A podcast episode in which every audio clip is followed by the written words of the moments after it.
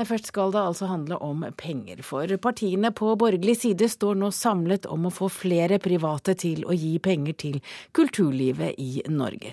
Forslaget de kommer med går ut på å dele regningen mellom staten og private givere, og ifølge Høyre er det mange i Kultur-Norge som sårt trenger private bidrag kunstmuseers innkjøp av kunst. Der vet vi det trengs penger. Hvor ofte private er inne i bildet. Frie grupper, frie ensembler, orkestrene. Det er mange steder hvor det er behov for private penger. Sier kulturpolitisk talsmann i Høyre, Olemic Thommessen. Ved et eventuelt regjeringsskifte ved valget neste år vil Høyre styrke privatfinansiering av kulturlivet gjennom f.eks. gaveforsterkningsordninger. En gaveforsterkningsordning går kort og godt ut på at uh, en privat gave suppleres med et forhåndstilsagn, altså at det blir gitt et offentlig tilskudd Eh, i en gitt størrelsesorden i forhold til gaven, f.eks. 50-50 eller noe sånt. I praksis betyr dette at f.eks. Nasjonalmuseet kan spørre en privat bidragsyter om 1 million kroner for å kjøpe et maleri, og deretter få dekket deler eller resten av beløpet av staten. Det vil da stimulere de private aktørene til å delta. Det vil stimulere institusjonene eller de som skal ha pengene, til å eh, lete etter dem og jobbe for dem. Eh, de har jo selv styring på hva de da skal skaffe penger til. Og det vil gi et mer robust kulturliv, fordi du får flere bein å stå på enn bare statlige midler. Og dessverre er det slik at regjeringen ikke har stimulert de private aktørene til å være med. Det har vært et ensidig fokus på statlige midler. De andre opposisjonspartiene, Venstre, Kristelig Folkeparti og Fremskrittspartiet, er også for en slik ordning, hvor private gaver skal suppleres med offentlige penger. Jeg mener at dette vil skape et folkelig engasjement ved at man har en gaveforsterkningsordning. Ib Thomsen er kulturpolitisk talsmann i Frp. Man engasjerer flere, og man eh, får rike onkler til å være med og bidra. Og så kan det løse ut også statlige midler. Så dette syns jeg er en glimrende ordning, og dette må man jo få til så fort som bare mulig. På den andre siden av gjerdet sitter kulturminister Hadia Tajik. Hun er ikke begeistret over forslaget fra Høyre og de andre borgerlige partiene. Jeg er bekymra for at eh, forslaget fra Høyre om eh, gaveforsterkning i praksis vil bety mer sponsorstyrt kulturpolitikk enn eh, ja, mer markedsstyrt. Altså at den kommersielle kulturen som får mest oppmerksomhet, òg vil være de som får mest penger og at det dermed vil svekke bredden og variasjonen i kulturtilbudet. Men at en slik ordning skal gå på bekostning av bredde og variasjon, er ikke Høyre enig i. For det første så har ikke vi tenkt å fjerne det støttesystemet som vi har. Eh, for det andre så er det en altfor lettvint eh, tilnærming å mene at eh, private aktører ikke også støtter smale ting. Museums-Norge, Kultur-Norge er full av private aktører som faktisk støtter veldig eh, skal si, tradisjonelle, eh, smale uttrykk. Altså for oss på Operaen er eh, de private bidragene nå store. Det sier administrerende direktør i Den norske opera og ballett, Tom Remloff, som er positiv til Høyres forslag. Ja, det syns jeg lyder veldig interessant. Det aller viktigste ved det er altså at vi får en bredere plattform, og at vi får en, en plattform for dialog med aktører utenfor vår egen sfære. Eh, med andre ord at vi får anledning til å spille vår rolle som samfunnsaktører. Og reporter her var Eivind Våge. Og Agnes Moxnes, du er kulturkommentator her i NRK. Nå hørte vi at nesten alle var eh, veldig fornøyd med forslaget fra Høyre. Men, men hvordan fungerer egentlig denne ordningen? Det ble laget en lignende ordning for forskningsmiljøet i Norge i 2006. Det, og Hensikten med det var jo å få mer private penger inn i den langsiktige forskningen. Så hvis du hadde da 10 millioner kroner å gi, som du ønsket å gi til kreftforskningen f.eks., så plusset eh, det offentlige på med, med 25% for liksom å hylle givergleden og stimulere giverglede. Da. Men uh, utdanningsminister Kristin Halvorsen hun uh, fjernet denne ordningen nå i vår, noe som har ført til veldig stor debatt i forskningsmiljøet og på universitetene. Men det kan nok være noe av som, altså begrunnelsen til kulturministeren her også som ligger i det samme. At man, ønsker, at man har sett eh, det man kaller en litt uheldig styring av, eh, av forskningen i, i Norge. Hvorfor kommer dette forslaget fra de borgerlige partiene akkurat nå? Det nærmer seg eh, valg, og de rød-grønne partiene har jo kjørt en veldig offensiv og må vel si vellykket kulturpolitikk i og med Kulturløftet.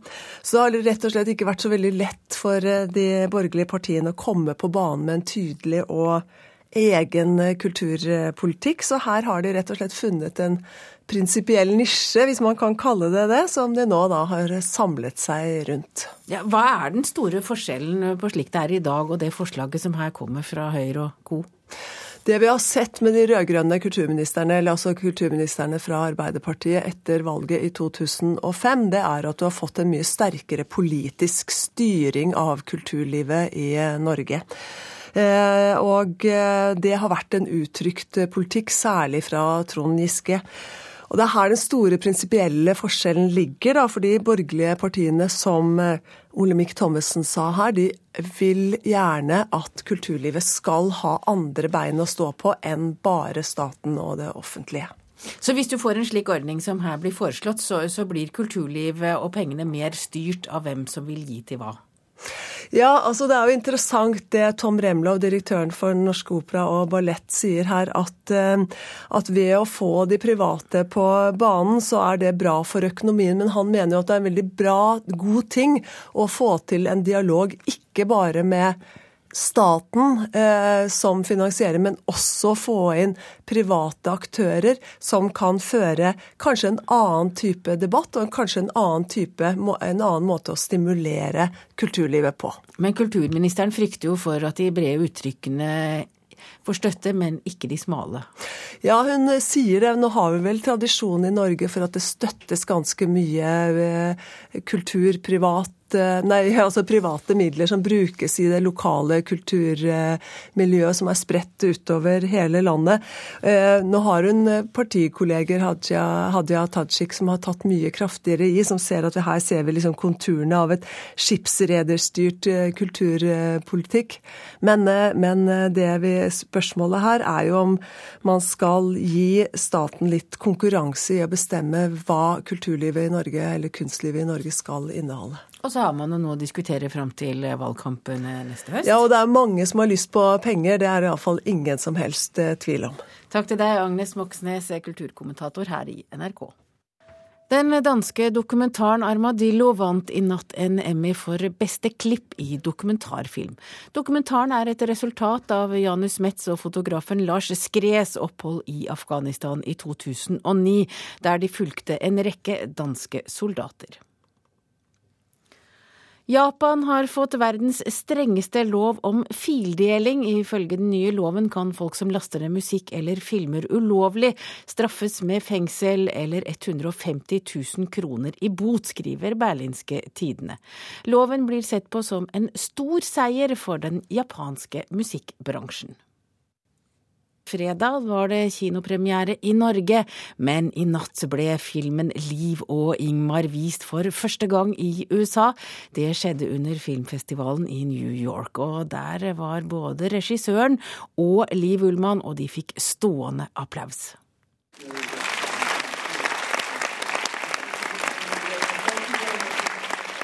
It was a great film, and it was a really nice summing up of their relationship and the way it was expressed in film, and I loved it. Yes, the same. It's a very touching movie, but especially to see Liv telling the audience about this, that was really impactful, really amazing. It's a beautiful film. Touched my heart and my mind. Liv Ullmann. Nå står vi altså i Lincoln Center, hvor Liv og Ingmar har blitt vist for det amerikanske publikummet på New York Filmfestival. Og så kommer det folk opp til deg og sier at du har forandret livet mitt. Hva tenker du da? Det er det fineste egentlig med å være kunstner. Det er at det hender deg, og det er jo det vi gjerne vil. Ikke at vi forandrer et helt liv, men at vi får folk til å gjenkjenne noe og kjenne at andre føler det samme. Ja, da er mitt liv litt forandret. Da er jeg ikke original og rar og sånn. Da deler jeg noe med mange andre mennesker. Fredag hadde filmen premiere i Oslo. Så har den vært vist i Haugesund, men nå møter den et amerikansk publikum. Tror du de vil ta den imot annerledes? Nei, det tror jeg ikke. Fordi et menneske er et menneske. Enten du er født i India, som vår regissør er, eller du er født i Norge, som i hvert fall så er jeg norsk. Innerst inne er vi mennesker, og hadde vi bare hatt bedre tid, så ville vi lyttet til hverandre litt mer, sett hverandre litt bedre og gjenkjent oss selv i andre. Er du glad du har gjort det? At du, du ble med på denne reisen? Jeg er kjempeglad for at jeg var med de dagene hvor jeg ble intervjuet. Og som jeg sa, hadde jeg ikke likt filmen, så hadde jeg ikke vært her i dag. Og ja, for meg var det fint også fordi at jeg følte at Ingmar snakket til meg igjen. For det var saker i den filmen som jeg overhodet ikke visste om. Det var bakombilder fra filmer som jeg aldri har sett før. Eh, jeg var lykkelig når jeg så filmen, og så gråt jeg litt også. I really hope, and I really, really hope that we find some theatrical distribution in America, that the film can be seen in theaters on a big screen. It's made for that screen, shot for that. Og siden Liv og Ingmar først og fremst er en kinofilm for regissøren, indiske Diraj Akolkar, så ser han på filmfestivalen i New York som en sjanse til å få filmen vist på kinoer i hele USA. Det var han som fikk Liv Ullmann til å fortelle historien om Liv og Ingmar, og nå håper han også folk i USA vil få muligheten til å kjenne seg igjen i en historie om kjærlighet og vennskap. This is a heavily materialistic society. But if you realize that you're not going to take it all with you when you die, but if there is a person who holds your hand and never lets it go, that matters. If the film tells them that, I would be very happy. Og det var Ugo Fermariello som var på premieren i USA i natt. Da skal vi til Syria, for eh, Syria opplever akkurat nå sitt kulturhistoriske mareritt. I helgen ble Aleppos berømte basar ødelagt av brann, og FNs organisasjon for kulturminnevern UNESCO er bekymret over utviklingen. Gamlebyen i landets største by, Aleppo, står på verdensarvlisten. Og Nils Anfinseth, du er forsker på Syrias kulturhistorie ved Universitetet i Bergen. Du har besøkt Aleppo mange ganger, og nå har det skjedd, det man har fryktet. Eh, hvilke konsekvenser får det? Uh, ja, altså det er litt, kanskje litt vanskelig å si uh, akkurat nå hvor, hvilke konsekvenser det får, men Aleppo er jo i en helt unik stilling i Midtøsten. Det er jo en, en, by med en struktur som er veldig gammel. Og det er jo nettopp derfor den er på verdensarvlisten til UNESCO også. Um, er alt ødelagt? Det, det, er jo veldig vanskelig å si ut fra de bildene som kommer ut fra Syria. Vi ser jo egentlig veldig lite av det som kommer ut. Men eh, sånn som i går og forrige dagen så ble det jo rapportert om brann i, i Soken, altså i basarområdet. Som er et veldig veldig spesielt område. Og det var, jo, det var jo en av grunnene til at Aleppo kom på verdensarvlisten. Det var jo Soken, eller basarområdet, og så var det Citadellet. Og det var jo helt tydelig at det har brent veldig kraftig i Soken, og at veldig mye er ødelagt. Tilsvarende også i, på Citadel. Og for alle som har vært i en sok, så forstår vi jo at eh, når det først begynner å brenne der, så er det tett og vanskelig å slukke brannen. Men, men, er det mulig å reparere og fikse bygningene igjen etter at de har blitt brent og skutt på? Jeg tror nok det kommer an på hvordan, eh, altså hvor omfattende ødeleggelsene er. Eh, foreløpig så er det jo bare vage rapporteringer om altså, Vi har sett fra avstand egentlig at det er ødeleggelser. Pluss enkelte veldig nære bilder fra, fra, YouTube.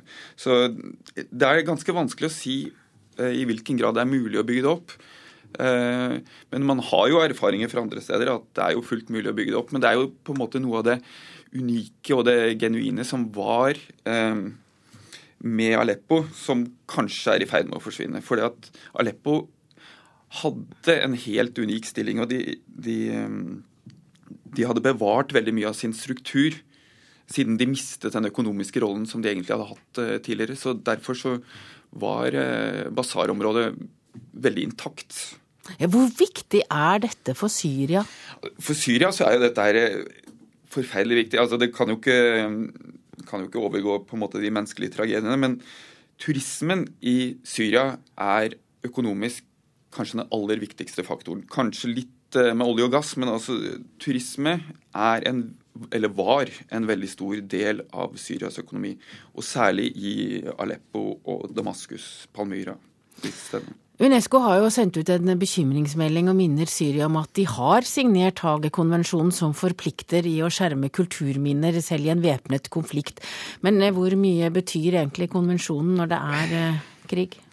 Altså, det vi er vitne til, er jo det at det er eh, egentlig et totalt sammenbrudd i samfunnet. Både politisk, sosialt, økonomisk.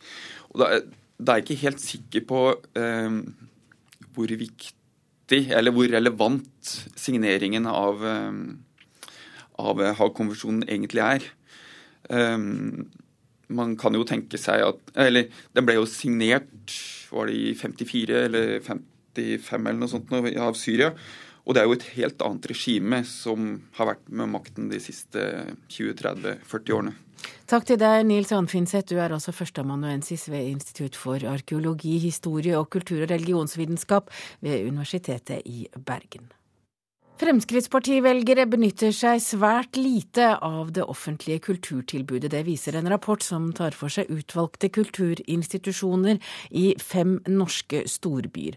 Rapporten slår fast at tilbudene også i liten grad når unge, innvandrere og folk med lav utdannelse. Kulturbyråden i Bergen vil nå ha en debatt om den offentlige støtten. Aldri kjøpe nye sko.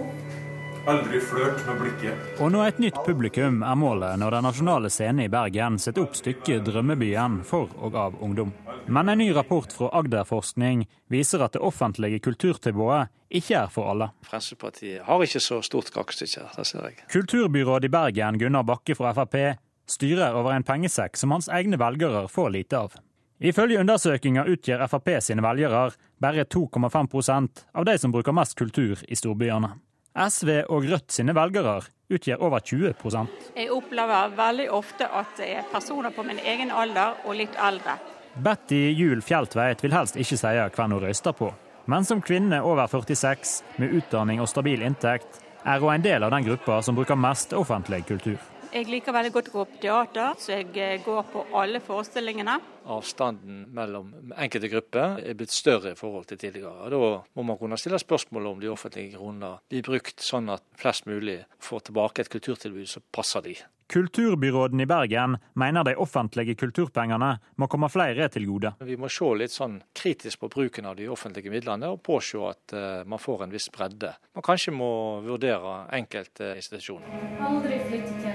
Det publikummet jeg kjenner fra Nasjonale Scene, de tilhører samtlige partier. Agnete Haaland, som er teatersjef ved DNS, vil gjerne nå flere men ikke for enhver pris. Hovedgrunnen til at vi har statsstøtte, er at vi skal kunne lage kunst som ikke er avhengig av at eh, det strømmer tusenvis inn på DNS hver dag. Og reporter i Bergen var Sølve Rydland.